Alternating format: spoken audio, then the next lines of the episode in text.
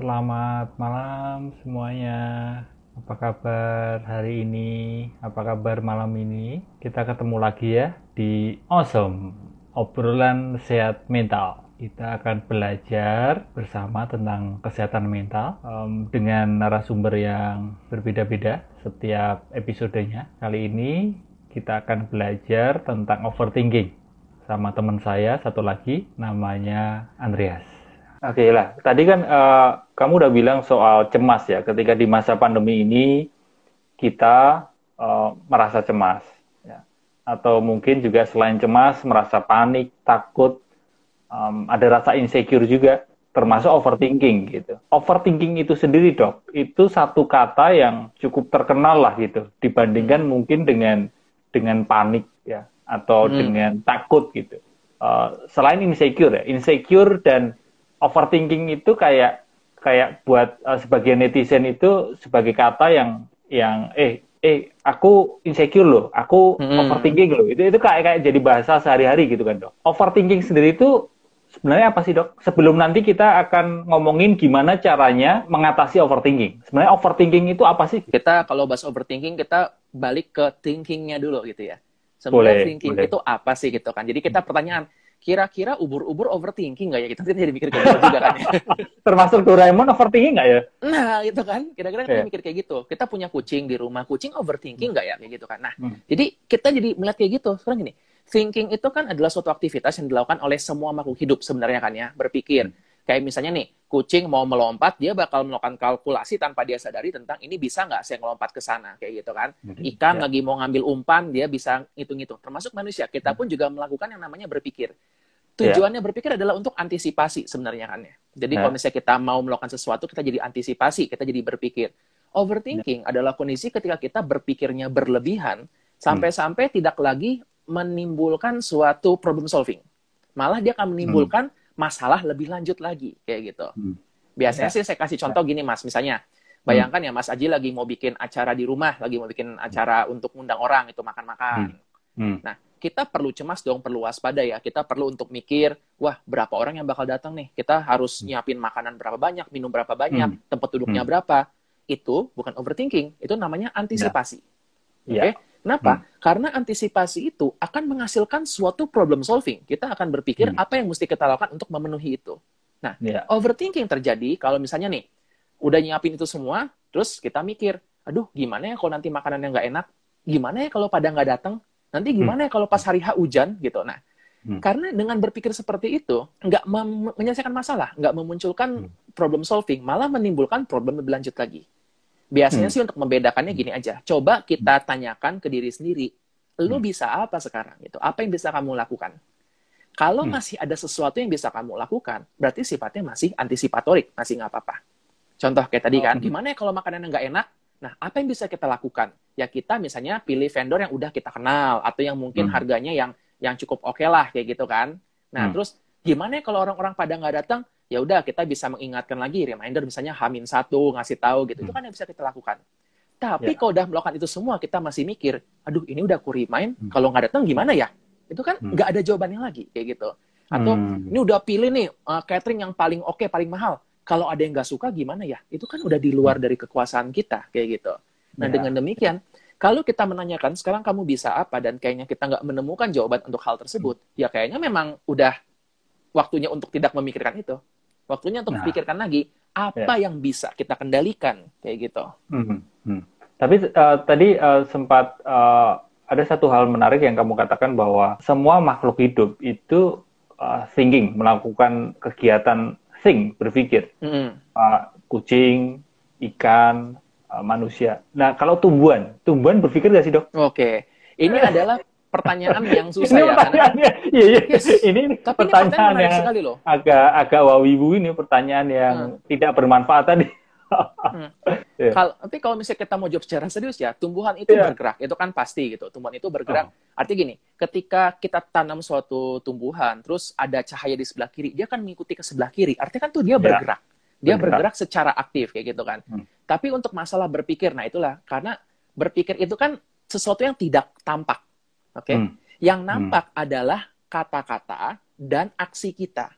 Inilah hmm. yang membuat kita hmm. tidak bisa tahu apakah tumbuhan itu berpikir atau enggak karena tidak ada kata-kata dan tidak ada aksi yang dihasilkan oleh dia.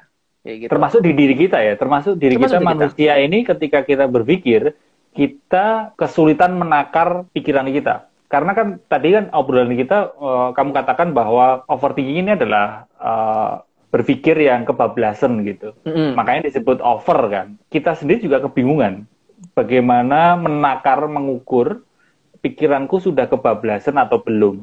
Tadi ada ada satu tanda atau indikasi yang kamu katakan bahwa ya kalau sesuatu itu sudah tidak bisa kamu lakukan, kebablasan itu kita kita tidak ada kayak alarm, kayak ada kepekaan.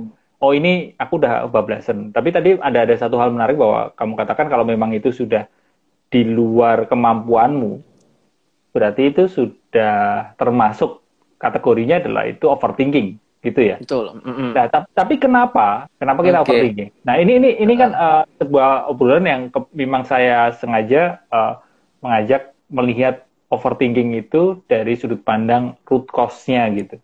Karena hmm. ketika kita tahu nanti root cause-nya, memahami overthinking, uh, semakin dekat, semakin kita bisa PDKT dengan overthinking, maka kita hmm. akan lebih bisa berdamai dengan overthinking kan. Nah, okay. kenapa dok? Mau kita overthinking? Kenapa orang bisa mengalami overthinking itu? Ternyata kalau saya setelah mempelajari itu, ini paling gampang dijelaskan dengan filosofi Stoa, Stoicism. Hmm. Gitu kan? Hmm. Jadi mungkin yeah. buat teman-teman yang walaupun udah pernah ada dengar, nggak apa kita bahas lagi.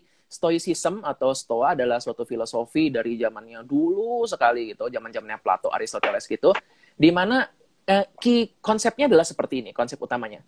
Di dunia ini tuh cuma kebagi menjadi dua hal, yaitu hal yang hmm. bisa kita kendalikan, hal yang dalam yeah. kendali kita artinya, dan hal yang tidak bisa kita kendalikan, yang di luar dari kendali kita. Nah, tugas kita sebagai manusia adalah untuk fokusnya hanya ke hal-hal yang bisa kita kendalikan, ubahlah yang bisa kita kendalikan, dan ya. terimalah hal-hal yang nggak bisa kita kendalikan. Oke, okay? hmm. nah dengan demikian sebenarnya overthinking adalah kondisi ketika kita mungkin salah melihat konsep ini. Misalnya, hal ini bisa kita kendalikan, bisa kita ubah, tapi kita nggak melakukan apa-apa. Jadi kita kepikiran hmm. gitu kan terus-menerus. Atau sebaliknya, hmm. hal ini tidak bisa kita ubah, nggak bisa kita kendalikan, hmm tapi kita berusaha keras untuk mengendalikan tersebut. Hmm. Kita balik ke hmm. contoh tadi ya, tadi kita ngebahas tentang misalnya mau bikin acara pesta di rumah. Ya. Tentang tadi, misalnya ya, kita berpikir tentang, oke, okay, saya mau ngitung deh berapa jumlah orang yang datang, misalnya ternyata ada 100 hmm. orang. Terus kita hmm. mikir, aduh gimana kok tiba-tiba datang orang lebih ya, kayak gitu kan. Itu kan hmm. sebenarnya kita masih bisa antisipasi, itu ya udah siapin ya. makanan lebih 10%. Tapi kita nggak melakukan itu. Jadi kan kita hmm tidak mengendalikan hal-hal yang sebenarnya bisa dalam kendali kita. Bisa kita kendalikan. Ini okay. bisa bikin overthinking. Karena kan ini dia kecemasan. Hmm. Udahlah, kayaknya pas lah 100, tapi kalau lebih gimana ya? Udahlah, nggak apa-apa. Itu kan nggak tenang rasanya. Hmm. hmm. Dan sebaliknya tadi, hal yang nggak bisa kita kendalikan. Misalnya tentang, aduh orang-orang pada datang atau enggak ya? Itu kan nggak bisa kita kendalikan. Tapi kita berusaha keras untuk mengendalikan itu. Akhirnya kita kepikiran gimana ya caranya untuk mengendalikan orang-orang ini biar bisa datang, kayak gitu. Hmm. Jadi, itulah kalau saya lihat, yang terutama adalah tadi itu tentang gimana otak kita salah untuk mengenali yang mana yang bisa dikendalikan dan yang mana yang enggak. Dan sebenarnya yeah. kalau mikir gampangnya, yang bisa kita kendalikan tuh cuma dua kok, cuma pikiran sama perilaku kita. Udah itu aja. Tapi ya. dari penjelasanmu tadi uh, ada semacam hole. Overthinking yang sebenarnya adalah ketika kita berusaha mengendalikan yang tidak bisa kita kendalikan. Benar kan? Yes, uh, uh, utamanya ya. itu. Utamanya itu kan. Mm. Tapi ada kalanya orang udah merasa kayak, eh aku overthinking loh gitu. Padahal sebenarnya itu masih dalam kategori dia bisa mengendalikan apa yang bisa dia kendalikan. Hmm, yes, yes. Uh. Ya kan? Kayak okay, tadi uh. contoh contohnya dari kamu adalah mengantisipasi ada kenaikan jumlah tamu. Hmm. Itu kan sesuatu kata dikategorikan itu sesuatu yang bisa dikendalikan kan sebenarnya. Dengan hmm. dengan antisipasi, dengan antisipasi, dengan Betul, menambah, uh. ya kan? Dan itu memang uh, perlu kita lakukan karena karena itu masih dalam kategori bisa kita kendalikan. Ya Betul. Ya, kan? ya kita sebagai manusia jangan terus langsung ya udahlah pasrah aja, biarkan semesta Betul. yang yang ya biarkan semesta me, me, menyerahkan ke semesta. Itu kan mm sesuatu yang blunder juga kan, sesuatu yang tidak Baik, uh. tidak sehat juga kan. Jadi betul, uh, betul, Mas. Uh, overthinking yang sebenar-benarnya adalah ketika kita sudah terlalu memikirkan, sudah terlalu mengendalikan apa yang sebenarnya tidak kita kendalikan. Betul. Ya, di luar itu itu mungkin hanya hanya kitanya saja yang kurang tangguh ya. Mm -mm. Dan ada juga begini kayak tadi mm. kan misalnya kita udah nyiapin, udah tambahin 10% nih dari tamu yang bakal datang.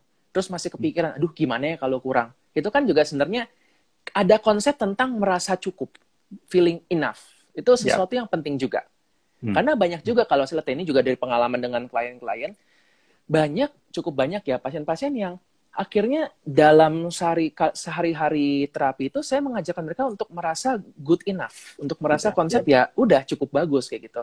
Karena tadi hmm, hmm. seorang anak misalnya mendapatkan nilai 8, udah bagus tuh. Lihat teman-temannya yang lain pada delapan setengah, sembilan, terus dia kepikiran, aduh saya ini nggak pinter ya seperti yang lain-lainnya. Nah, itu kan memang apalagi mungkin orang tuanya yang mengajarkan bahwa, iya nih kamu harusnya hmm. bisa kayak teman-teman kamu. Nah, Gimana kalau kita sebagai orang tua nanti di masa depannya, cobalah untuk kita mengajarkan konsep good enough kepada anak-anak kita. Yeah. Bahwa it's yeah. okay, kamu dapat 8 itu tuh sudah bagus kayak gitu. Dengan demikian, hmm. dengan konsep yang cukup seperti itu, ya semoga mereka pun thinkingnya cukup gitu, nggak overthinking jadinya. Enough iya. thinking yeah. mungkin moga-moga kayak yeah. gitu. Eh, enough thinking ya, sepakat yeah. sekali. Uh, kenapa kenapa aku sepakat banget karena akhir-akhir ini memang aku juga kayak uh, benar-benar berniat untuk belajar merasa cukup itu sesuatu yang hmm. sangat mewah ya bro ya di di zaman sekarang merasa yes. cukup itu kayak sebuah hal yang yang keren banget sih menurut kayak merasa cukup itu uh, karena kan uh, sejak kita kecil kayak ada gemburan untuk untuk sukses itu tadi ya ya yang hmm. obrolanmu dengan aku kan ngomongin soal kesuksesan uh, hmm. sebelum sebelum usia 100 tahun 100 kan? tahun uh -uh. sedangkan standar sukses sendiri kan blur lah gitu sehingga kita manusia dituntut untuk kayak selalu di atas rata-rata. Ya, ya memang ada ada baiknya sih, tapi uh, ada juga sisi nggak sehatnya adalah uh, terlalu menuntut diri kita untuk selalu di atas rata-rata itu akan bikin kita overthinking kan? Betul. Mm -hmm. Ya. Karena tadi se sebagus-bagusnya kita berusaha ya kalau misalnya ya pasti akan ada orang yang lebih bagus lah daripada kita. Ya, ya. Merasa cukup itu artinya ketika melihat demikian kita akan mensyukuri bahwa oh saya sudah mencapai sejauh ini dan masih ada orang yang lebih bagus daripada saya. That is good enough. Tapi buat orang yeah. yang orang yang overthinking kan, wah dia udah nyampe sana berarti saya harus nyampe sana juga kayak gitu. Kata-kata yeah. seperti harus itulah yang jadi berbahaya hmm. kayak gitu. Ketika banyak orang, ketika banyak orang berlomba untuk menjadi manusia yang luar biasa, kita yang belajar untuk menjadi manusia biasa ini malah luar biasa gitu. ya kan Betul karena, kan, karena kan jadi jadi ada ada anomalinya ada sesuatu yang berbeda kan. -hmm. Nah, uh, pembicaraannya berlanjut ke ini bro, overthinking itu di masa sekarang, di masa pandemi. Overthinking apa yang terjadi bro? Yang banyak justru tentang masa depan ya, yang namanya overthinking sih hampir pasti dia berhubungan dengan yeah. masa depan itu. Yeah. Yeah. Yang banyak Kalau di masa pandemi nanti, yeah. hmm. uh, tentang karir selanjutnya, tentang hmm. mungkin kapan bisa untuk kembali aktivitas normal lagi. Hmm. Buat beberapa teman-teman yang merencanakan pernikahan, misalnya itu pun jadi overthinking hmm. juga kan hmm, gimana hmm, nih ini resepsi yeah. gitu kan udah yeah, yeah. bayar gedungnya nggak bisa dimundurin kayak gitu jadi yeah. akhirnya berhubungan dengan hal-hal seperti itu nah oke okay, untuk kayak gitu yang kembali kita kasih tahu adalah tadi apa yang bisa kita kendalikan dan apa yang nggak bisa kita kendalikan ya ketika hmm. kita nggak bisa mengubah lingkungan kita kita nggak bisa mengubah semua yang ada di dunia ini yang bisa kita ubah adalah respon kita terhadap situasi tersebut yeah. gitu kan jadi makanya yeah, kan kita yeah. ngajak lagi untuk ingat bahwa ya menikah itu bukan resepsi gitu jadi hmm. kalaupun misalnya mentok-mentoknya tidak ada resepsi, ya udah nggak apa-apa. Menikahlah nah. dulu. Mungkin resepsinya bisa ya. nyusul. Nah itu kan gimana artinya kita tetap nggak mengubah lingkungan. Yang kita ubah adalah respon kita terhadap lingkungan itu. Kayak gitu. Nah, hmm. uh, kalau kamu sendiri bro, uh, overthinking apa yang kamu rasakan? Tentu saja kan bukan masalah pernikahan kan, karena kamu sudah menikah, ya kan? Makanya itu kan itu nanti bisa ramai nanti ya kalau oh, iya. iya. iya. Nah, kalau kalau pernikahan itu kan uh, lebih ke contoh orang lain. Kalau kamu sendiri ngalamin overthinking apa di masa pandemi ini? Kalau yang pasti utama Mas ya gimana juga sebagai orang kerja hmm. kan, income hmm. pasti akan kena dampak juga kayak gitu. Yeah. Walaupun yeah. kemarin di IG live saya bersama Nago saya bilang bahwa uang bukan segalanya, saya bilang juga bahwa manusia tetap butuh uang kayak gitu kan gimana juga. Yeah. Yeah. Kita hidup di society gitu. Dan yeah. Nah, sekarang adalah gimana dengan kondisi seperti itu, kan dengan kondisi yang income menurun ini, hmm. kayaknya hampir semua orang kan kena ya kena damage-nya itu. Yeah. Nah, yeah. kita mempersiapkan kayak tadi, suatu saat di masa depan kita yakin bahwa pandemi ini akan selesai. Yang hmm. saya lakukan sekarang adalah tadi gimana dengan masa-masa ini ketika saya nggak bisa dapat income secara yang wajarnya, ya kita melakukan kayak gini kan untuk self branding, kita mungkin berikan edukasi dengan harapan ketika pandemi ini selesai orang-orang jadi sudah punya harapan udah punya oh saya kayaknya butuh nih untuk ketemu ya. nih, entah ketemu dengan Mas Aji atau ketemu dengan psikolog atau dengan psikiater kayak gitu kan. Jadi kita mempersiapkan ya. ke situnya. Nah, itulah ya. yang saya lakukan saat ini. Tapi dulu waktu hmm. awal-awal, abis-abisan mas, oh, kepikiran banget gitu kan.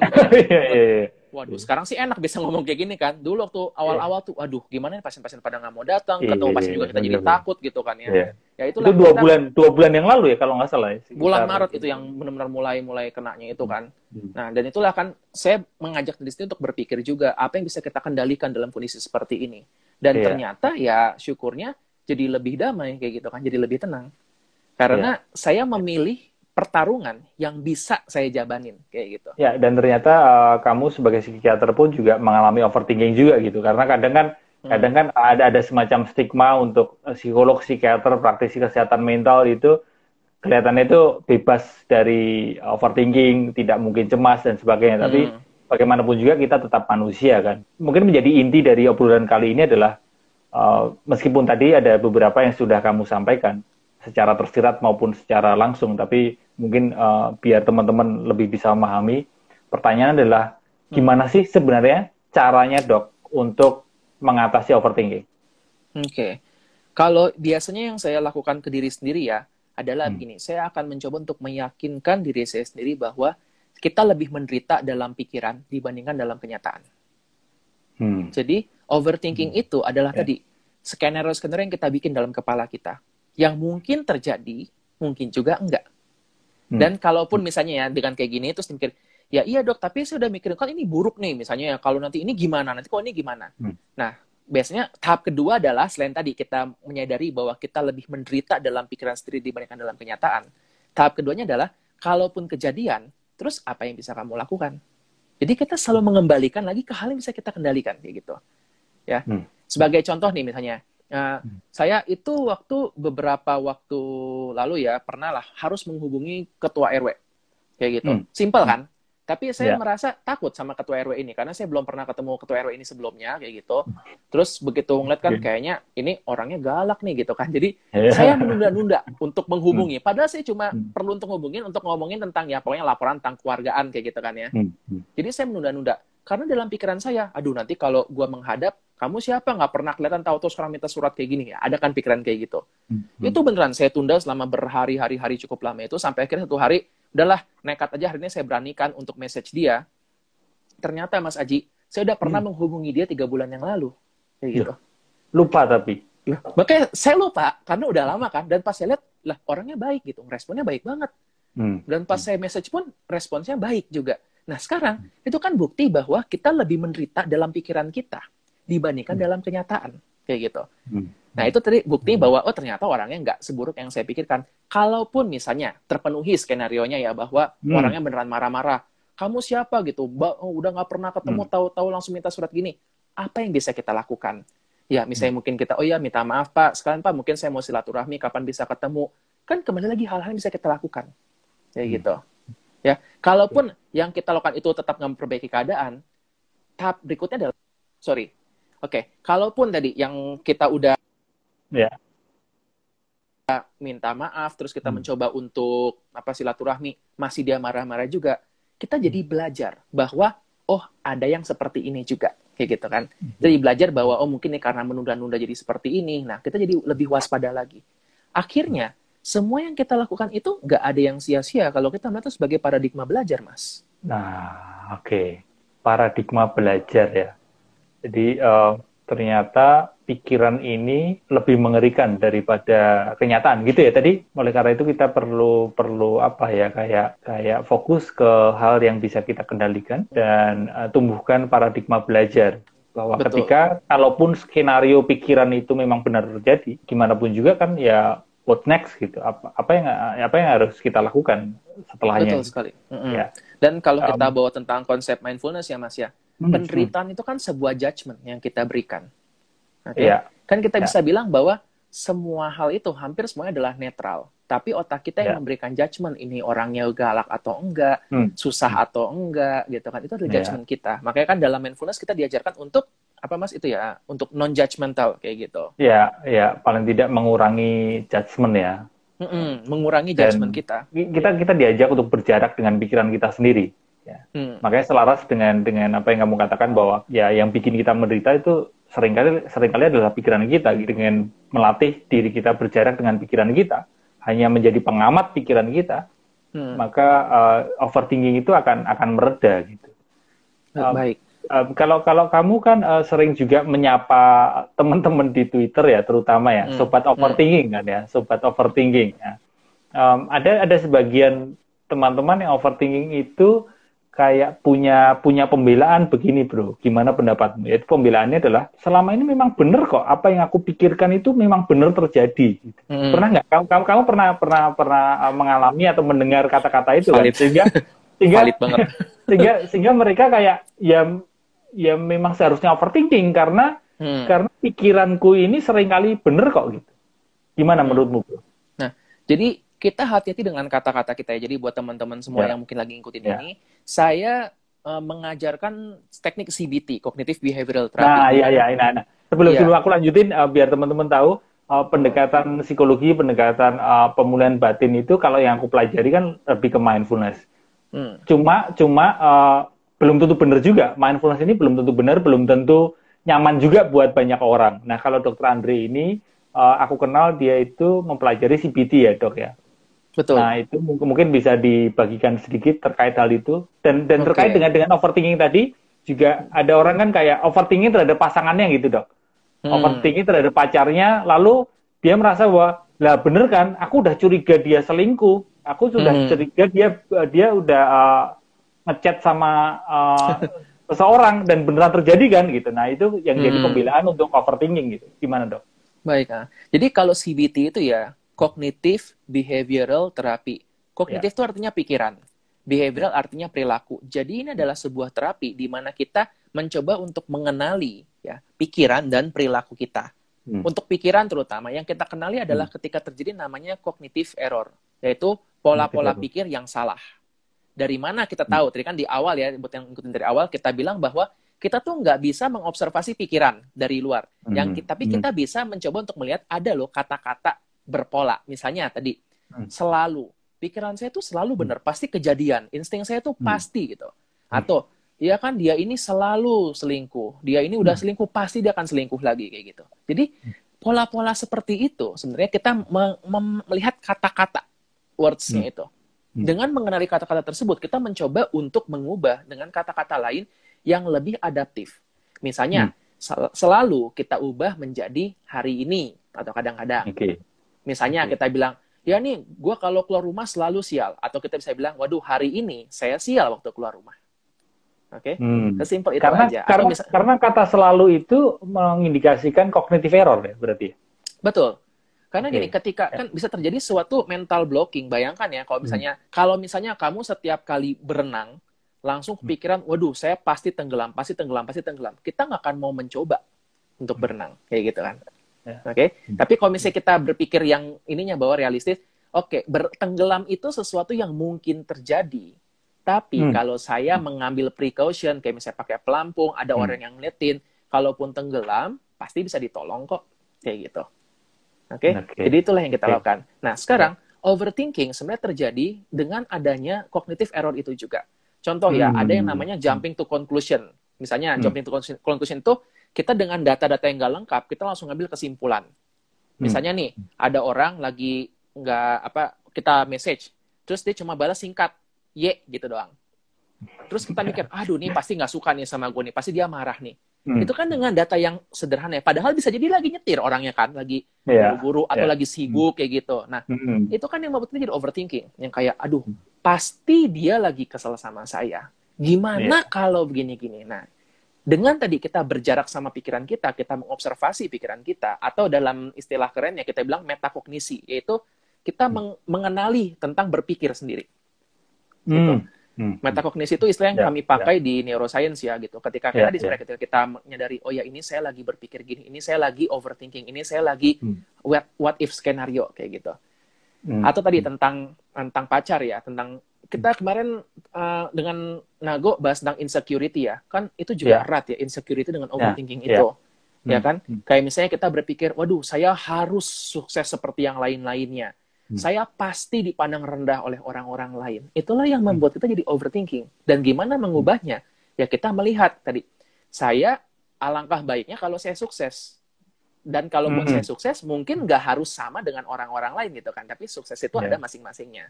Atau saya pasti dipandang rendah sama orang. Kita bisa melihat, ya mungkin orang ini memandang saya rendah. Tapi bukan berarti hmm. semua orang berpikir seperti itu. Oke, okay? hmm. jadi okay. tetap realistis. Kita nggak positive thinking. Oh nggak kok ini orang baik, dia nggak akan memandang saya hmm. rendah. Karena kenyataannya hmm. ada orang-orang yang seperti itu kan. Yeah. Nah, jadi kita iya, nggak yeah, mencoba yeah. mendinai perasaan tersebut, kita mau welcome dan kita mengobservasi yeah. perasaan tersebut, pikiran tersebut, dan ya udah kita lepaskan ketika sudah selesai. Poin-poin penting dari dari obrolan itu tadi adalah dengan pendekatan CBT kita mengenal ada yang cognitive error ya, dok ya. Dan cognitive hmm. error itu terwujud dalam kata-kata yang uh, kita gunakan. Beberapa di antaranya adalah uh, beberapa di antaranya adalah selalu, ya, pasti, atau ya jumping to conclusion tadi kan. Mm -hmm. uh, dari data yang sangat terbatas kita udah menyimpulkan. Oh. Seperti tadi uh, aku juga ngepost di uh, feedku dok tentang tentang uh, anak bungsu, anak tengah, anak sulung. In, intinya adalah uh, kamu itu anak anak keberapa dari berapa bersaudara gitu.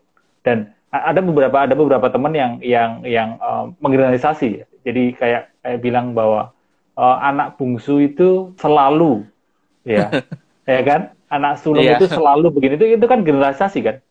Betul uh ya A atau ada juga yang ada juga yang bilang uh, selama ini uh, aku sebagai anak tengah itu nggak ada momen nyenenginnya gitu. Padahal kan itu bisa jadi ada perkecualian di pemahamannya dia gitu. Makanya mungkin kalau di di uh, obrolan bisa ditanyakan emangnya memang bener beneran nggak ada? gitu kan ya kan? Betul sekali. kadang kita langsung langsung memukul rata memukul rata bahwa ya memang selama ini nggak ada uh, momen yang mengembirakan kok gitu. Dan memang orang itu kecenderungan begitu ya dok ya? Maksudnya kayak betul sekali kayak menganggap diri sebagai korban yang sangat menderita gitu. Dan ini ya kalau saya jadi teringat tadi kan kita ngebahas tentang tapi feeling saya bener kok makanya kan saya hmm. overthinking hmm. gitu. Hmm. kita hmm. perlu lihat gini bahwa di dunia ini tuh banyak kejadian terjadi, tapi otak kita akan menangkap sesuatu hmm. yang benar-benar tuh kayak meng, apa ya, menstimulasi yeah. otak.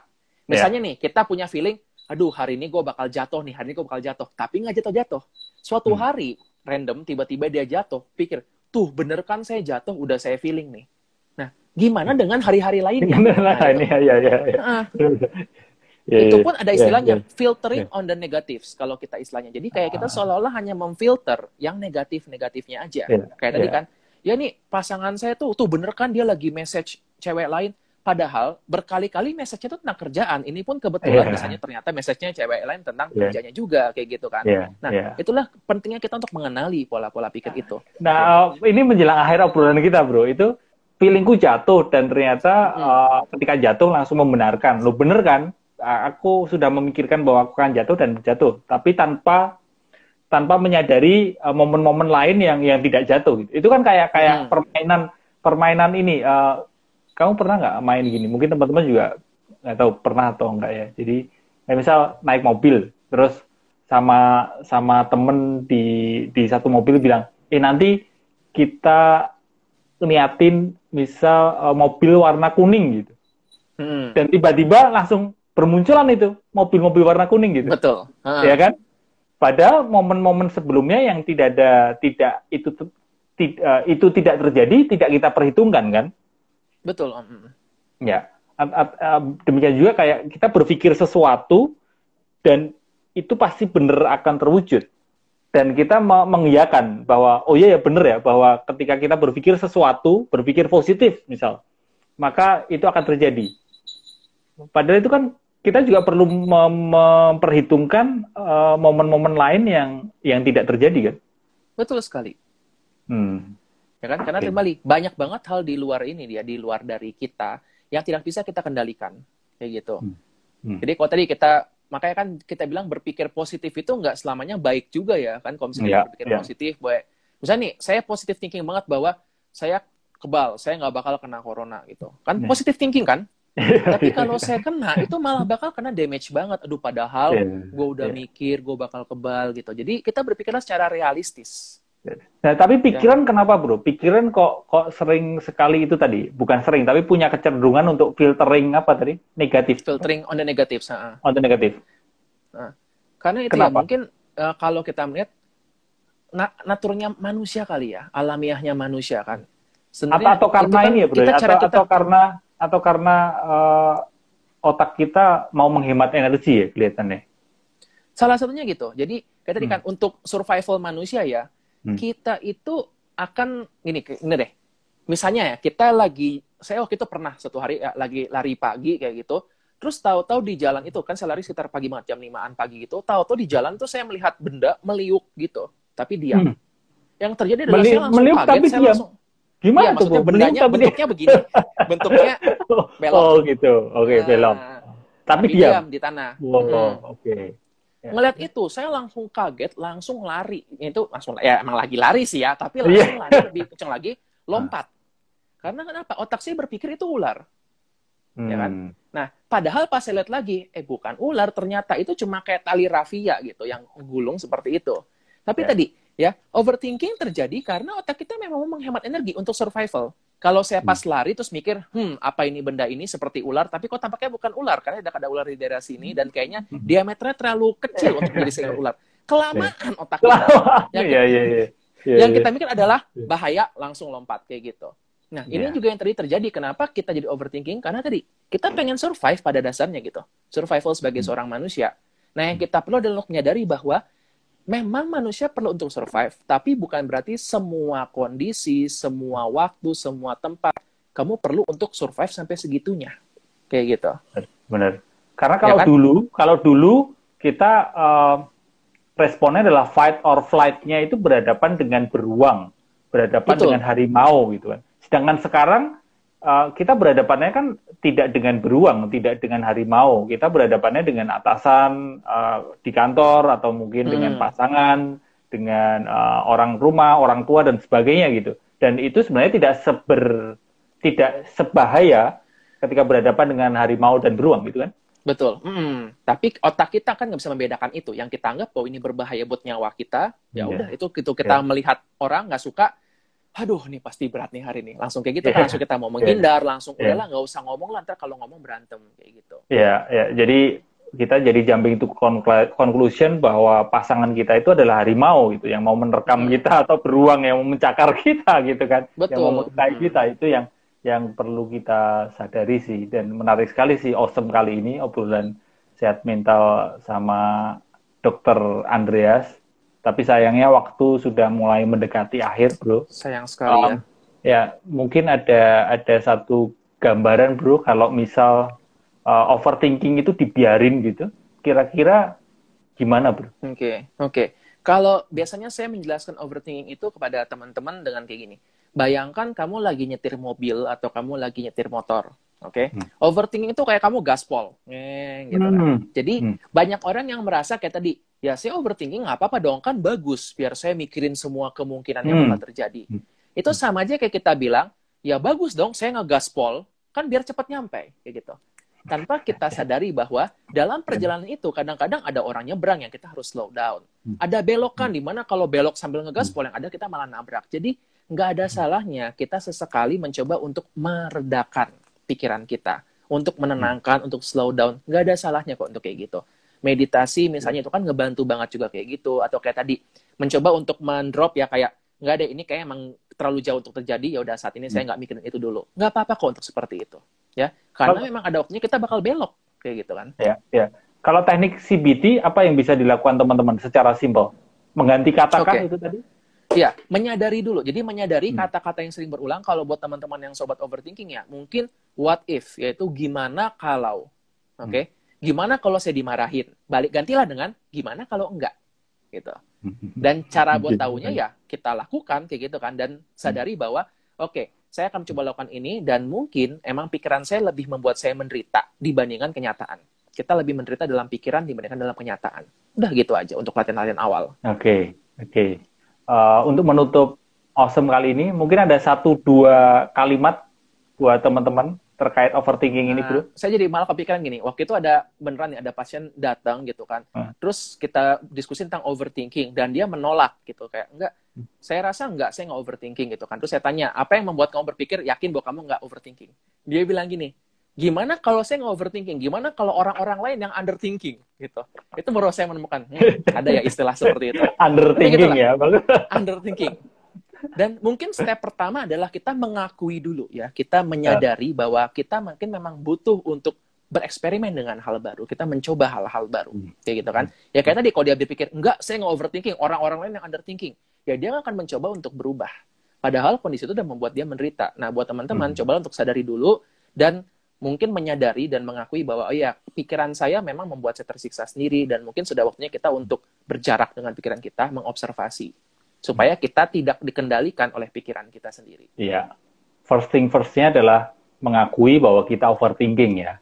Dan kita uh, ribet menjalani hidup ini ya karena pikiran kita. Dan itu perlu hmm. perlu kebesaran hati sih bro ya untuk mengakui Betul. itu ya.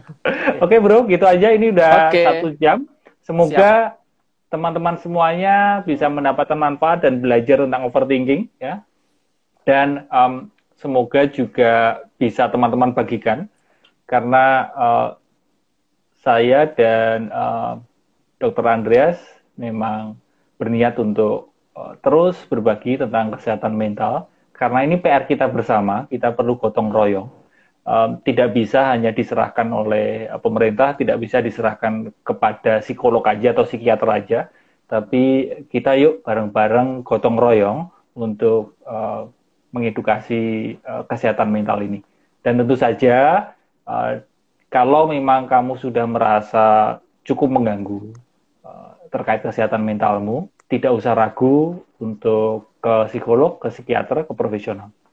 Dan nggak uh, usah nunggu mengganggu juga. Kalau memang kamu sudah pengen gitu, saya ada ada rasa gue kepengen ke psikolog, psikiater atau profesional, ya ya lakukan aja gitu. Jadi ya. uh, kadang kan kadang kan muncul pertanyaan kapan sih harus ke profesional gitu.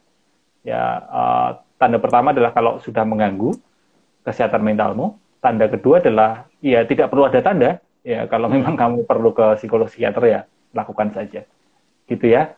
Terima kasih dok. Sama-sama. Terima kasih Mas juga untuk Terima kasih banyak teman-teman semua. Turut mendoakan semoga sehat-sehat Terima kasih Terima ya dok kasih, ya. Mas. Sampai ketemu Terima lagi. Terima kasih Bye. semuanya. Sampai jumpa. Bye.